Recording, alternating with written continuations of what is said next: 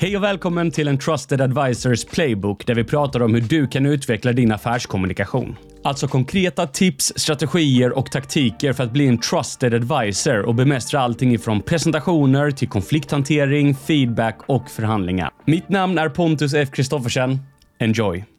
I den här videon kommer du få lära dig den sokratiska argumentationsteknikens fem steg och hur du använder dem för att bli mer övertygande. Så Sokrates, han var en filosof som levde för 2500 år sedan och han blev känd för hans sätt att använda frågor för att komma fram till sanningen. Och precis den metodiken är ett utmärkt sätt att både syna fulknep och halvsanningar som motparten använder, men också för att få den motparten att tveka på sin egna resonemang. Den sokratiska argumentationstekniken fokuserar inte så mycket på att bevisa bevisa din poäng, utan istället på att motbevisa den andra personens poäng med en rad smarta frågor. Och det här är en smart väg att gå, för det finns ett psykologiskt fenomen som heter backfire-effekten. Och den förklarar att när vi försöker övertyga någon genom argument som vi våldsamt trycker ner i deras hals, så stärker vi egentligen bara personen i åsikten de redan hade. Du kan själv tänka på hur du brukar agera ifall någon häver ur sig en massa motargument mot det du tycker, eller om de lägger fram argument efter argument för att visa att de har rätt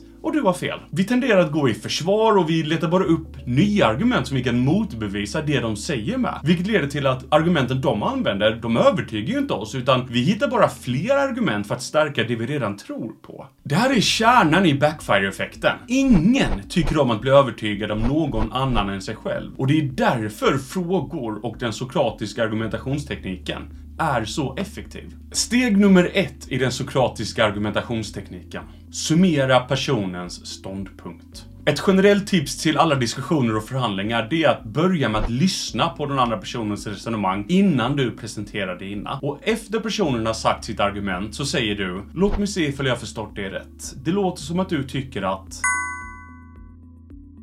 och här är det viktigt att inte göra det ironiskt eller ifrågasättande, utan genuint och nyfiket. Du vill inte sätta dit dem, utan du vill förstå dem. Och om du tycker att deras resonemang är otydligt till exempel, då kan du säga något i stil med Förlåt, jag förstår inte riktigt. Kan du förklara en gång till vad det är du menar?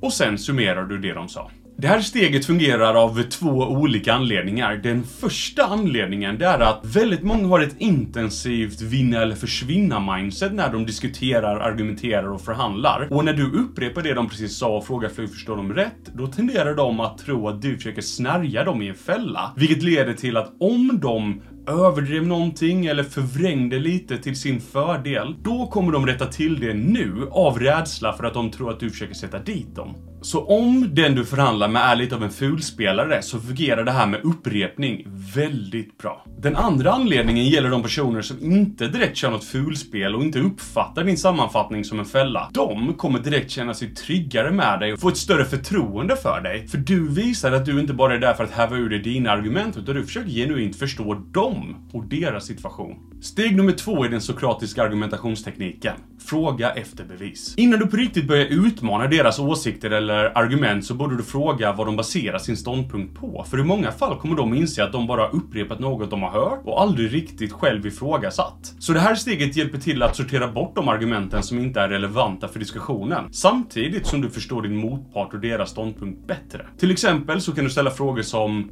vad fått dig att tänka så? Eller, förlåt bara så jag förstår, vad baserar du det på? Hej, Pontus här. Jag vill bara komma med en snabb rekommendation att om du gillar det här innehållet, se till att lägga till mig på YouTube och LinkedIn där jag delar med mig av den här typen av innehåll i korta och lärorika klipp. Tillbaka till avsnittet. Steg nummer tre i den sokratiska argumentationstekniken. Vält inte pallen, skär av ett ben.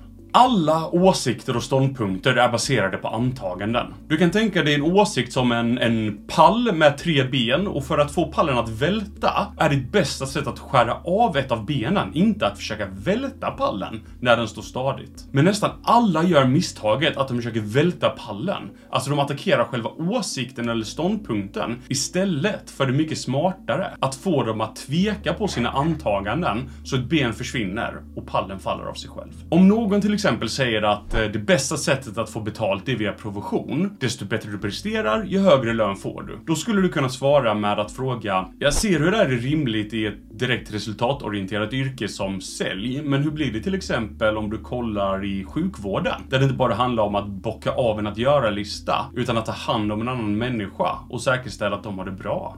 Steg nummer fyra i den sokratiska argumentationstekniken. Be dem omformulera sitt resonemang. När den andra personen håller med om att det finns undantag i det de precis sa, så kan du be dem att omformulera vad det är de faktiskt tycker. Och här finns det ju en risk att du börjar bli irriterande, så det är viktigt att du utför det här med en fingertoppskänsla. Du kan säga någonting i stil med, eh, okej, okay, förlåt ifall jag är omständig, jag vill bara se till att jag förstår dig så att det inte blir några missuppfattningar. Det låter som att ditt resonemang är och avslutningsvis, steg nummer fem i den sokratiska argumentationstekniken. Fortsätt ställa frågor och hitta undantag. Fortsätt att göra så här tills de inser att deras resonemang inte är så starkt som de tyckte inledningsvis. Så det här steget handlar egentligen bara om att repetera det vi precis gjort om och om igen tills motparten ser att deras resonemang inte är så starkt som de tyckte inledningsvis. Eller tills du märker att så här, deras resonemang håller, så nu är det dags att börja diskutera emot det. Vid enklare diskussioner så är ofta steg nummer 4 och 5 onödiga och de blir lite överdrivna. Så känn efter ifall det verkligen behövs en omformulering av deras resonemang och ifall du behöver ställa fler frågor eller om du har uppnått det du vill. Alltså att de tvekar lite på sin åsikt eller sitt resonemang. Och kom ihåg, det här fungerar så länge som du är tuff mot problemet, men trevlig mot personen. Ställ frågorna med en nyfikenhet om intentionen att hjälpa, inte att sätta dem på plats. Om den andra personen blir irriterad så kan du säga någonting i stil med Förlåt, jag menar inte att vara oskön, jag försöker bara förstå ditt sätt att resonera. Som jag sa inledningsvis så handlar inte det här om att övertyga, utan det handlar om att få motparten att tveka på sina resonemang. För det är först när det finns en tveksamhet, när de tänker jag kanske inte har 100% rätt här, som du har skapat möjligheten att övertyga. Och det är i det tillståndet som dina argument har en mycket större chans att fungera. Är det någonting som är viktigt att påminna sig själv om så är det att ingen tycker om att bli övertygad av någon annan än sig själv och med hjälp av den sokratiska argumentationstekniken kan du bli betydligt mer övertygande. Så det var allt för det här avsnittet. Testa tipsen. Lägg märke till hur bra de fungerar och kom ihåg att förtroende, det är valutan för framgångsrika affärer.